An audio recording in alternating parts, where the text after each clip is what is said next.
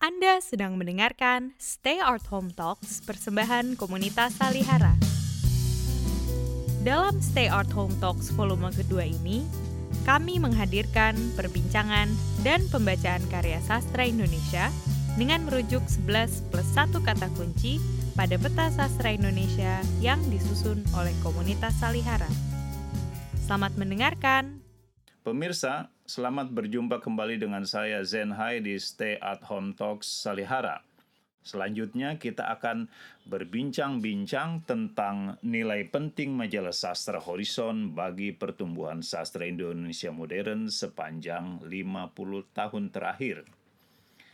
Sebagaimana diketahui, majalah sastra ini didirikan oleh sejumlah intelektual muda Indonesia pada bulan Juli 1966. Majalah ini menjadi satu-satunya etalase sastra Indonesia modern sepanjang Orde Baru hingga hari ini. Sejumlah karya sastra terbaik, juga naskah lakon terbit di majalah ini sebagai bagian dari situasi avantgardisme sastra dan seni yang melanda Indonesia – selama masa-masa awal Orde Baru hingga dasawarsa 1970-an. Horizon menjadi ladang eksperimentasi estetik dan pelampiasan energi kreatif sastrawan Indonesia setelah tahun-tahun yang penuh tekanan dan pertentangan di masa pemerintahan Soekarno. Nah, bersama saya telah hadir uh, Seno Gumir Aji Dharma, seorang sastrawan, penulis yang juga tumbuh pada tahun 1970-an di majalah Horizon dengan nama pena Mirasato. Halo Mas Seno, apa kabar? Baik, baik. Mas, saya tadi sudah mengantar sedikit ya uh, tentang situasi yang terjadi pada masa itu uh, terkait dengan majalah Horizon. Nah, sebagai penulis yang juga tumbuh bersamaan dengan uh, pertumbuhan majalah Horizon, uh, kami ingin mendengar sebetulnya dari Mas Heno, kira-kira sebetulnya duduk uh, perkara atau cerita di balik kemunculan majalah Horizon saat itu seperti apa, Mas? Silakan. Ya, makasih. Dari angka tahun 66 ya sudah jelas ini ya, satu jejak ya. Satu apa tonggak gitu untuk menandai bahwa bahwa Horizon ini terbit setelah apa mungkin bukan saat badainya usai gitu kan mungkin malah baru mulai ya 66 itu gitu pembersihan nah, orang-orang kiri ya ya karena kan Pramasya tahun berapa itu kan? Gitu loh bukannya yeah. 66 dia yeah. gitu. Nah itu uh, kita sudah tahu polemik sebelumnya ya tentang seni apa yang benar gitu kan? Gitu. Nah jadi kelompok manifest kebudayaan itu jelas menolak apa konsep politik sebagai panglima gitu ya dengan rumusan yang sudah ada di di manifest itu.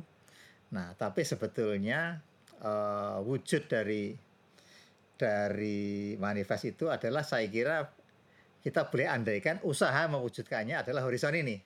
Gitu ya. Yeah. apa sih yang mereka maksud uh, humanis, humanisme universal gitu di yang itu saya kira disebut-sebut di di manifest kebudayaan ya gitu ya. Bahwa tidak tidak tidak mengikut pada satu golongan segala macam itu seolah-olah itu bisa ya, ya. gitu jadi uh, ilusi tentang universalism itu masih ada dan dipercaya gitu ya gitu dan dan itu itulah yang saya kira berusaha diwujudkan gitu. Nah, yang yang perlu dicatat adalah sebelum sampai kepada bentuk sastra, sebetulnya pilihan atau orientasi bekerja, berpikir dan hidup untuk sastra gitu. Ini pun sudah merupakan suatu genre berkebudayaan sendiri ya, gitu ya, gitu. Ya. Jadi meskipun apa uh, sastra yang ditulis itu mainstream gitu. Sebetulnya pilihan itu pun sudah sudah merupakan avantgardisme kebudayaan gitu ya. Gitu bahwa ada orang-orang yang apa uh, memberikan hidupnya itu ya hanya untuk sastra gitu sebagai satu pilihan hidup. Nah, ya avantgardisme itu pengertiannya sangat luas sebetulnya. Hmm. Gitu. Nah, kemudian ini tapi kemudian kalau kita lihat wujudnya gitu ya di luar mereka-mereka yang kemudian disebut sebagai bagian dari apa gerakan ya jadi kalau ada tiga pola ya eh, gerakan ya movement gelombang dan genre gitu. Maka yang saya menafsirnya adalah gerakan di sini gitu ya. Ini sebetulnya hanya menyangkut tidak terlalu banyak orang. Ya. ya. Misalnya Putu Wijaya gitu ya. Eh, dan gerakan ini bukan dalam pengertian organisatoris politis ya. Tapi ada yang tapi jangan pakai anu ya ini artikulasinya siapa? Artikulasi bacaan orang dewasa. Ada yang menggelinjang gitu ya dalam dunia penulisan gitu. Nah itu adalah Putu Wijaya dan Narto misalnya gitu ya. Kok ada gerak-gerak? Ah, gerakan dalam pengertian itu gitu ya seperti itu. Nah nah yang lain-lain itu bukan sekadar ya tapi juga sekadar. Realisme saja gitu ya. Realisme gitu rata-rata itu. Tapi memang dengan apa ya dengan satu ciri pribadi lah gitu ya. Misalnya Franz Najira gitu kan. Itu bisa punya judul yang panjang gitu kan yang tidak lazim kan. Bercakap-cakap di bawah guguran Guguran daun. daun-daun nah gitu kan. Aji Dharma isinya Jiwoko. ya realisme saja gitu kan. Ya. atau kayak saya lihat tadi Yunus Mukri Adi gitu judul-judul yang sampai sekarang pun masih seksi ya Ya. gitu ya masih seksi meskipun isinya agak apa ya agak nabrak-nabrak gitu ya seekor istri dan seekor tikus lah itu kan misalnya Hmm. itu seksi itu ya tapi isinya sampai sekarang kita kan nggak ingat ya, Ya. gitu nah ini beda dengan Danarto Putu itu Budi Dharma. Nancep ya. Nah, Budi Dharma tentu gitu. Meskipun menurut saya makna yang diberikan Budi Dharma itu justru di luar horizon ya. Hmm. Orang-orang Bloomington gitu. Ketika Kritus Adinan kan dia ya gitulah memuas-muaskan diri dengan ya Keanehan. gitu. Dengan penulisan seenak perut. Nah, tapi sebetulnya gini. Jadi rupa-rupanya antitesa ini memang apa ya? Memang merupakan seolah-olah merupakan antitesa dari kecenderungan ada ketentuan atau peraturan gitu ya, seolah-olah ya. Ya. Dalam puisi atau sastra yang ditulis oleh yang disebut golongan lekra waktu itu gitu ya.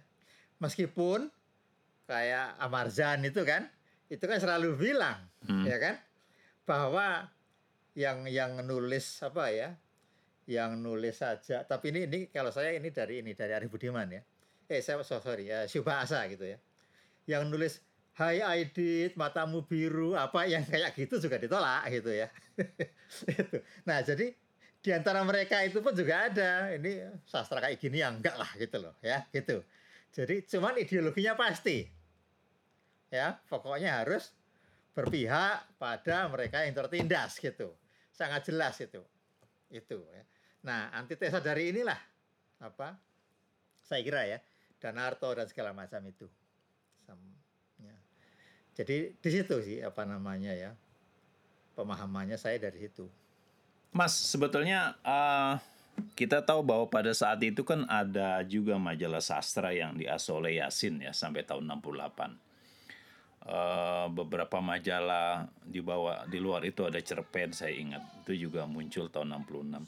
Tetapi memang kan eh, majalah Horizon ini adalah eh, menjadi satu-satunya etalase terpenting orang bereksperimentasi bikin uh, puisi yang aneh-aneh, bikin uh, kredo puisi yang uh, juga uh, membingungkan banyak orang. Uh, lakon-lakon mega-mega misalnya uh, Anu Putu Wijaya kan muncul di Horizon. Kenapa dia bisa menjadi satu-satunya uh, etalase penting sastra Indonesia saat itu ya? Tidak hampir tidak ada tandingan. Ya, pertama karena memang hanya satu-satunya gitu ya. Ya, dan rupa-rupanya semua orang mengirim ke situ, ya. Ya. Dan dan masih penting gitu ya.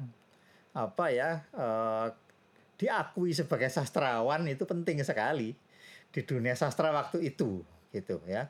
Dan yang mendapatkan hak untuk memberi pengakuan itu ya apa horizon ya karena ada biasin di situ gitu meskipun ya sebetulnya yang yang apa yang yang menyeleksi puisi itu saya kira kan Sapardi dan Sapardi. Taufik ya Ya. ya dan Taufik gitu nah ya itu ya saya kira itu jadi orientasi pada mitos ya mitos seniman sebagai subjek ya, yang agung gitu Hmm. kan itu yang masih diburu gitu ya dan dan dan kuasa wacananya adalah satu pencapaian gitu ya satu pencapaian apa ya saya tidak mengatakannya spiritual tapi setingkat sakral dari sastra itulah yang Ya. ingin dicapai ya. Saya sudah sastrawan. Misalnya kita lihat dalam apa eh, persada studi club ya. Ya, di itu ada senjang Jogja. ya. Mm-mm. persada gitu kan. Terus tengahnya itu ada apa? Terakhir itu sabana kalau nggak salah itu ya jadi pokoknya saya lupa namanya ya tapi gitu ada ada tingkat nah kalau sudah sampai di atas ini yang sudah Udah jempol. itu sudah diakui sastrawan nah gitu kan Saya kira itu Seperti dikerjakan itu. juga oleh Umbu di Bali Pos ya. Penjenjangan iya kemudian ya atau klasifikasi Jenjang. penulis. Nah itu yang membuat yang membuat aktuil dengan remisi ladu menjadi sangat dibenci gitu Ya. kan Betul. karena dia me- meruntuhkan lah mitos-mitos ini gitu ya dan nyatanya memang juga sebetulnya kita bisa lihat ya kalau lihat esai esai Yudhistira di horizon esai Putu Hmm. di horizon Hmm. itu jenis-jenis yang bisa masuk aktuil sebetulnya Ya. ya Nyelet nih. ya apa sih kira-kira itu cirinya dalam tanda kutip gila Hmm.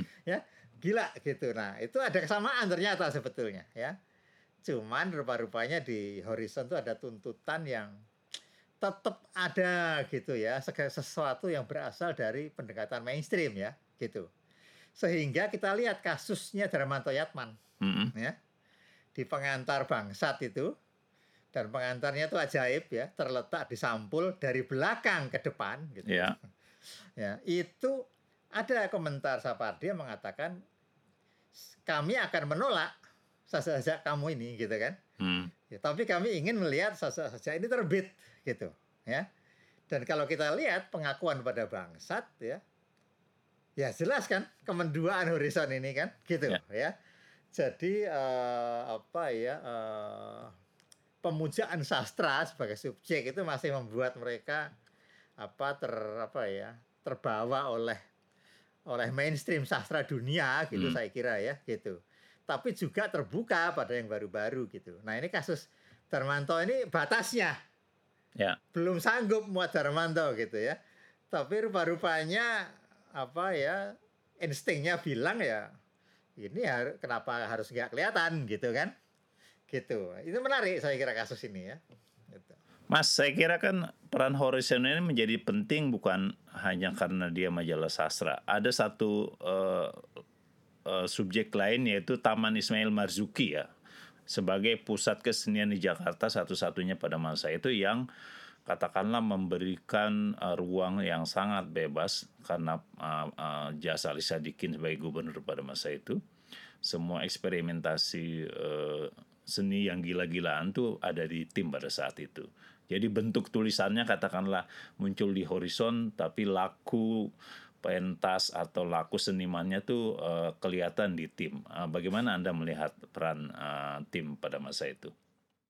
ya tim itu merupakan komunitas ya jadi komunitas seniman modern lah ya itu semua lontang lantung di situ gitu ya gitu nah kan DKJ tim waktu itu belum punya majalah sendiri Ya. cuma kadang-kadang itu ada buku kan kayak forum penyair muda Ya. gitu, pesta puisi atau pesta apa itu sastra gitu nah itu masuk semua itu sehingga kita bisa lihat tuh zaman itu MH itu dikeroyok gitu kan Ya, betul. dengan diskusi yang bunyinya gini misalnya pembicara itu ngerti sastra atau enggak sih nah kayak kayak gitu ya gitu itu tim seperti itu gitu nah nah tapi saya kira wujud tercetaknya adalah ya horizon itu memang ya tapi kita harus tahu juga oh di luar komunitas ini sebetulnya tumbuh tumbuh ya tumbuh juga suatu tradisi baru kajian sastra gitu ya di di perguruan tinggi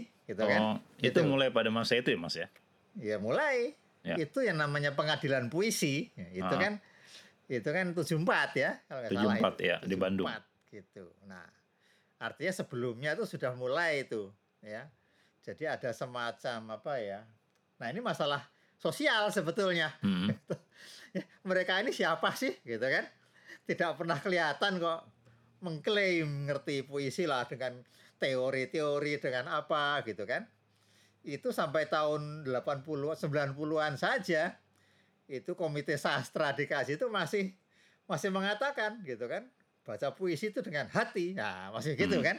Ya. untuk bisa kritis itu harus punya kebiasaan membaca menulis gitu ya. Nah nah apalagi 74 kan? Asing sekali nih. Hmm. teori ini teori itu. Apalagi Arif masuk dengan gestalt ya, Ya. yang untuk orang sastra saja baru gitu ya. Untuk akademisi aja baru gitu. Nah saya kira gitu ya. Jadi komunitas itu membuat satu polarisasi gitu kan. Kemudian juga eh, apa ya eh, apa istilahnya tuh eh, kehadiran Hmm. ya eh, tercetaknya gitu itu juga ada polarisasi polarisasi juga gitu ya yang kemudian kita lihat eh, bahwa kemudian ada sastra yang lebih bisa dipentaskan gitu kan Ya. nah Hitachi Rendra gitu ya dan kemudian masuk masalah sosial politik kan gitu ya Rendra itu kemudian sangat populer bukan lagi menghadapi lekra gitu kan tapi menghadapi orde baru sendiri gitu ya. Nah di situ kita kita lihat bahwa avantgardisme ini jadi absurd gitu kan. Ya memang absurd. Ya saya absurd dalam pengertian apa ya eh, filosofis ya. Karena apa? Rendra itu sangat dikecam. Ya. Dengan pernyataan pertanyaannya yang jelas merupakan kritik gitu kan? Dan membuatnya sangat populer. Jadi ada kecemburuan sosial tapi ada juga kritik terhadap apa yang mereka sebut vulgar gitu ya. Bahwa ini apa langsung gitu ya. Tidak ada simbol tidak ada apa-apa gitu. Yang mengkritiknya banyak ya. Gerson Poik apa itu dengan apa model artikel satu halaman penuh gitu kan? Hmm. Itu di berita Yuda dengan sponsor dan Suwaryono gitu kan. Nah, jadi seperti itu ya. Selain Horizon ada juga uh, berbagai macam ruang kebudayaan, Ya. jangan dilupakan itu. Balai Budaya. Ah, ah, ya, uh, maksud saya ini ruang kebudayaan di koran Oke. gitu ya. Kompas tiap hari Selasa gitu Hmm. kan misalnya itu. Ya, Sinar Harapan tiap hari Sabtu gitu. Kemudian dulu Ikra mengasuh Berita Buana gitu ya. Nah, ini semua juga menjadi atau dia satelit nah, gitu ya Ya. atau dia mencoba menjadi alternatif dari Hmm. Horizon dan juga menjadi suara dari dari apa ya eh, komunitas-komunitas yang berpolitik di tim ya karena ada senior dan junior gitu ya Mas, kalau tadi Anda menyebut peran Aktuil pada tahun 72 sebagai salah satu alternatif dari majalah Horizon yang dianggap katakanlah secara mutu monolitik gitu eh, sangat eh, memuja ketinggian eh, eh, apa artistik sementara anak-anak muda di Aktuil kan bercanda-bercanda mengejek orang tua eh, bicara tabu eh, dengan sangat rileks dan berani. Nah, kalau kita kembali ke eh, apa namanya pusat penilaian eh, horizon terhadap karya sastra sebetulnya ap- kayak apa sih mereka itu me- memposisikan eh, karya sastra yang layak dan tidak layak dalam majalah horizon? Layak muat atau tidak? Saya cenderung percaya ya bahwa tetap dibaca sebagai keutuhan. Gitu jadi mereka nggak berpikir subagio gitu loh ya. Hmm, memisahkan antara bentuk dan isi gitu kan. Ya. Intelek sama bentuk ekspresi gitu kan subagio Ya. itu gitu. Hmm, saya kira itu enggak meskipun pengertian itu diterima gitu ya. Hmm, tapi utuhnya aja dulu gitu ya. Itu dan itu apa namanya saya kira itu yang berlangsung dan saya kira itu eh, pengalaman atau selera gitu ya. Sapardi Taufik dan Abi Yasin itu membantu, memang membantu ya. Ya. Memang membantu yang hadir itu ya ya layak gitu ya ya layak gitu layak meskipun saya juga kadang bingung ya saya baru lihat ini sejak saya yang dimuat di horizon itu jelek yang bukan main sebetulnya iya saya nulis misalnya sejak ke-13 gitu kan. Ya, isinya cuman setelah nulis sejak ke-13 penyairnya itu ketabrak di jalan udah gitu kan. Nah, tapi benar itu dimuat dan itu menjadi contoh Dami Entoda sebagai hmm. apa sajak-sajak penyair muda yang buruk. Wah, ini dia ini. itu kan. dia bilang saja Xerox. Nah, itu sih itu juga gitu tuh. Tadi bilang saja Xerox fotokopi. Jadi cuma grafis saja dilihat, tulis, lihat, tulis. Nah, nyatanya dibuat horisan bukan salah gue. Ya kan? Nah. Jadi ada kemenduaan gitu, ya, nah. gitu. Di ya. satu pihak itu ada kesetiaan gitu ya. Hmm. Kesetiaan monolitik gitu kan. Hmm. Tapi ada juga angan-angan gitu ya untuk ah, untuk bersahaja gitu ya, hmm. ya, untuk gitu. Untuk langsung, untuk lugas gitu. Nah, ini ini ada jalan keluarnya juga kadang-kadang gitu. Dan waktu itu saya lihat tulisan saya dimuat dengan review tentang gerakan seni rupa baru misalnya kan, gitu. Ya kan? Itu kan juga seni rupa itu nggak usah ditasi lah kira-kira kan gitu kan. Kasur diketik-ketik rantai jadilah karya kan gitu. Jadi. Nah, tuh. ini gitu, kayaknya terpengaruh gitu ya, terpengaruh. Paling tidak kalau kita lihat tadi esainya Yudhistira gitu kan. Terus ya mungkin juga cerpennya gitu ya. Jadi nada humor ya, gejala humor itu itu yang memecahkan ya, yang membuat apa namanya ya, uh, yang baru itu berbeda dari yang lama. Saya kira ya. humor salah satunya. Ya, unsur humor, humor ya. itu kuat dalam putu dan dan ya kayak itu Yudhistira seperti itu. Uh, ini kan ada masa kemudian ya tahun 90-an uh, katakanlah horizon uh, menurun mutunya karena kita tahu misalnya uh, saat pemilihan cerpen terbaik di Kompas saya ingat statementnya Nirwan Dewanto itu mengatakan saat ini cerpen-cerpen terbaik tidak terbit di Horizon tetapi di majalah di Kompas dan di Matra. Nah, bagaimana Anda melihat uh, apa merosotnya pusat penilaian atau meluruhnya pusat penilaian ini dari uh, dalam perspektif Horizon dan Taman Ismail Marzuki? Ya itu karena itu kan sebuah apa ya kondisi desentralisasi sederhana aja kan gitu. Kalau nunggu di Mad Horizon, se Indonesia ngirim ke Horizon dan dia sebulan sekali gitu, ya kan? Dengan jumlah yang sama yang dikirim ke Kompas gitu, ya. Lah repot ya kan? Gitu. Jadi rupa-rupanya orang ya yang ngirim ke Horizon, ngirim ke Kompas ya dan lain-lain yeah. gitu.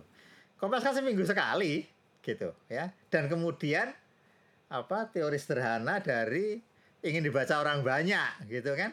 Ya kompas lagi gitu. Ya sehingga ya ya nah, kemudian seleksi kompas ini kemudian yang apa ya itu zaman Mas Alphonse Taryadi gitu ya. Itu yang mm -hmm. jadi kompas sendiri berbeda. Tadinya ini terjemahan cerita detektif gitu kan. Kemudian cerpen-cerpen Margate gitu misalnya ya jadi lebih pada unsur hiburan ya, entertainment gitu. Nah, ini berubah sedikit demi sedikit kan? Gitu. Ada pelajaran Menjadi, mengarang ya. itu belakangan. kan sejak 70 eh. 70-an ya, ya. Sampai 80 saja itu sudah 10 tahun. Ya kan? Pelajaran mengarang itu 93 loh ya. 80 ke 90. 10 tahun lagi. Ya gitu ini masa perubahan ini ya. Dari apa? Dari cerpen-cerpen yang lebih digali unsur menghiburnya sehingga terjemahan itu banyak ya. Terutama itu detektif gitu pembunuhan segala macam kemudian masuklah kritik sosial ya tentang orang miskin. Nah itu paling banyak itu kan tentang orang miskin rata-rata itu. Nah itu. Nah baru kemudian nah sudah kemudian eksperimentasi. Nah, itu kan 90 hmm. ya. Gitu saya. Saat itulah Nirwan bilang apa bukan lagi horizon gitu ya karena saya kira yeah. karena eksperimentasi itu gitu dan dan keberagamannya hmm. terutama yang tadinya enggak ya tadinya kalau enggak kritik sosial kayak nggak bisa masuk horizon itu gitu ya bukan kritik ya kalau enggak kepekaan sosial nggak bisa masuk gitu seperti itu Mas ini terakhir untuk uh, obrolan kita uh, kalau kita melihat horizon hari ini kan segalanya sudah berubah ya. Tidak ada lagi jurnal kebudayaan, tidak ada lagi majalah uh, horizon yang dicetak meskipun pernah terbit edisi terakhir saya lihat. Jadi memang situasi yang berubah ini uh, apa sih pentingnya majalah sastra kalau kita boleh uh, atau Anda merefleksikan peran Horizon di masa lalu untuk para uh, pembaca atau penggemar sastra hari ini. Ya. Ya, meskipun pemikiran apa ya, tiada pusat itu sudah sangat populer gitu hmm. kan. Tetap saja yang dianggap pusat kayak apa sih? itu tetap dicari gitu, ya tetap dicari dan dan Horizon memberikannya gitu ya. Jadi yang standar tuh kayak gini gitu ya. Apa pun pelecehan ya kita terhadap sta, istilah standar itu gitu ya. Jadi dia, dia tetap dia berikan itu. Saya kira itu peran pentingnya ya gitu ya. Hari perkara ini ya. orang perkara orang apa akan akan e, bertaklid buta atau tidak nah, itu kan tergantung siapa yang melihatnya gitu ya tapi itu diberikan oleh mereka dia tidak akan memberikan apa ya yang apa ya mewakili keremajaan nah nggak ada jadi dia keberagaman itu hanya pada pada ini aja saya kira pada style ya gitu tapi ideologinya sama ya sastra yang itulah mungkin maksudnya mencerahkan dan merupakan istilah sensi gitu jadi penting sekali di situ Mas Seno, terima kasih banyak ya. Uh, kebetulan waktunya juga sudah habis. Uh, sekali lagi terima kasih banyak untuk kesediaan Anda menjadi narasumber kita kali ini. Uh, pemirsa, demikianlah podcast episode Horizon dan Avantgardisme Sasa Indonesia bersama Seno Gumiraji Dharma. Jangan lupa untuk mengikuti dan menonton video animasi 11 plus 1 kata kunci untuk mengenal kesusastraan Indonesia di kanal YouTube Petasas Indonesia. Sampai jumpa di episode Stay at Home Talks berikutnya. Salam.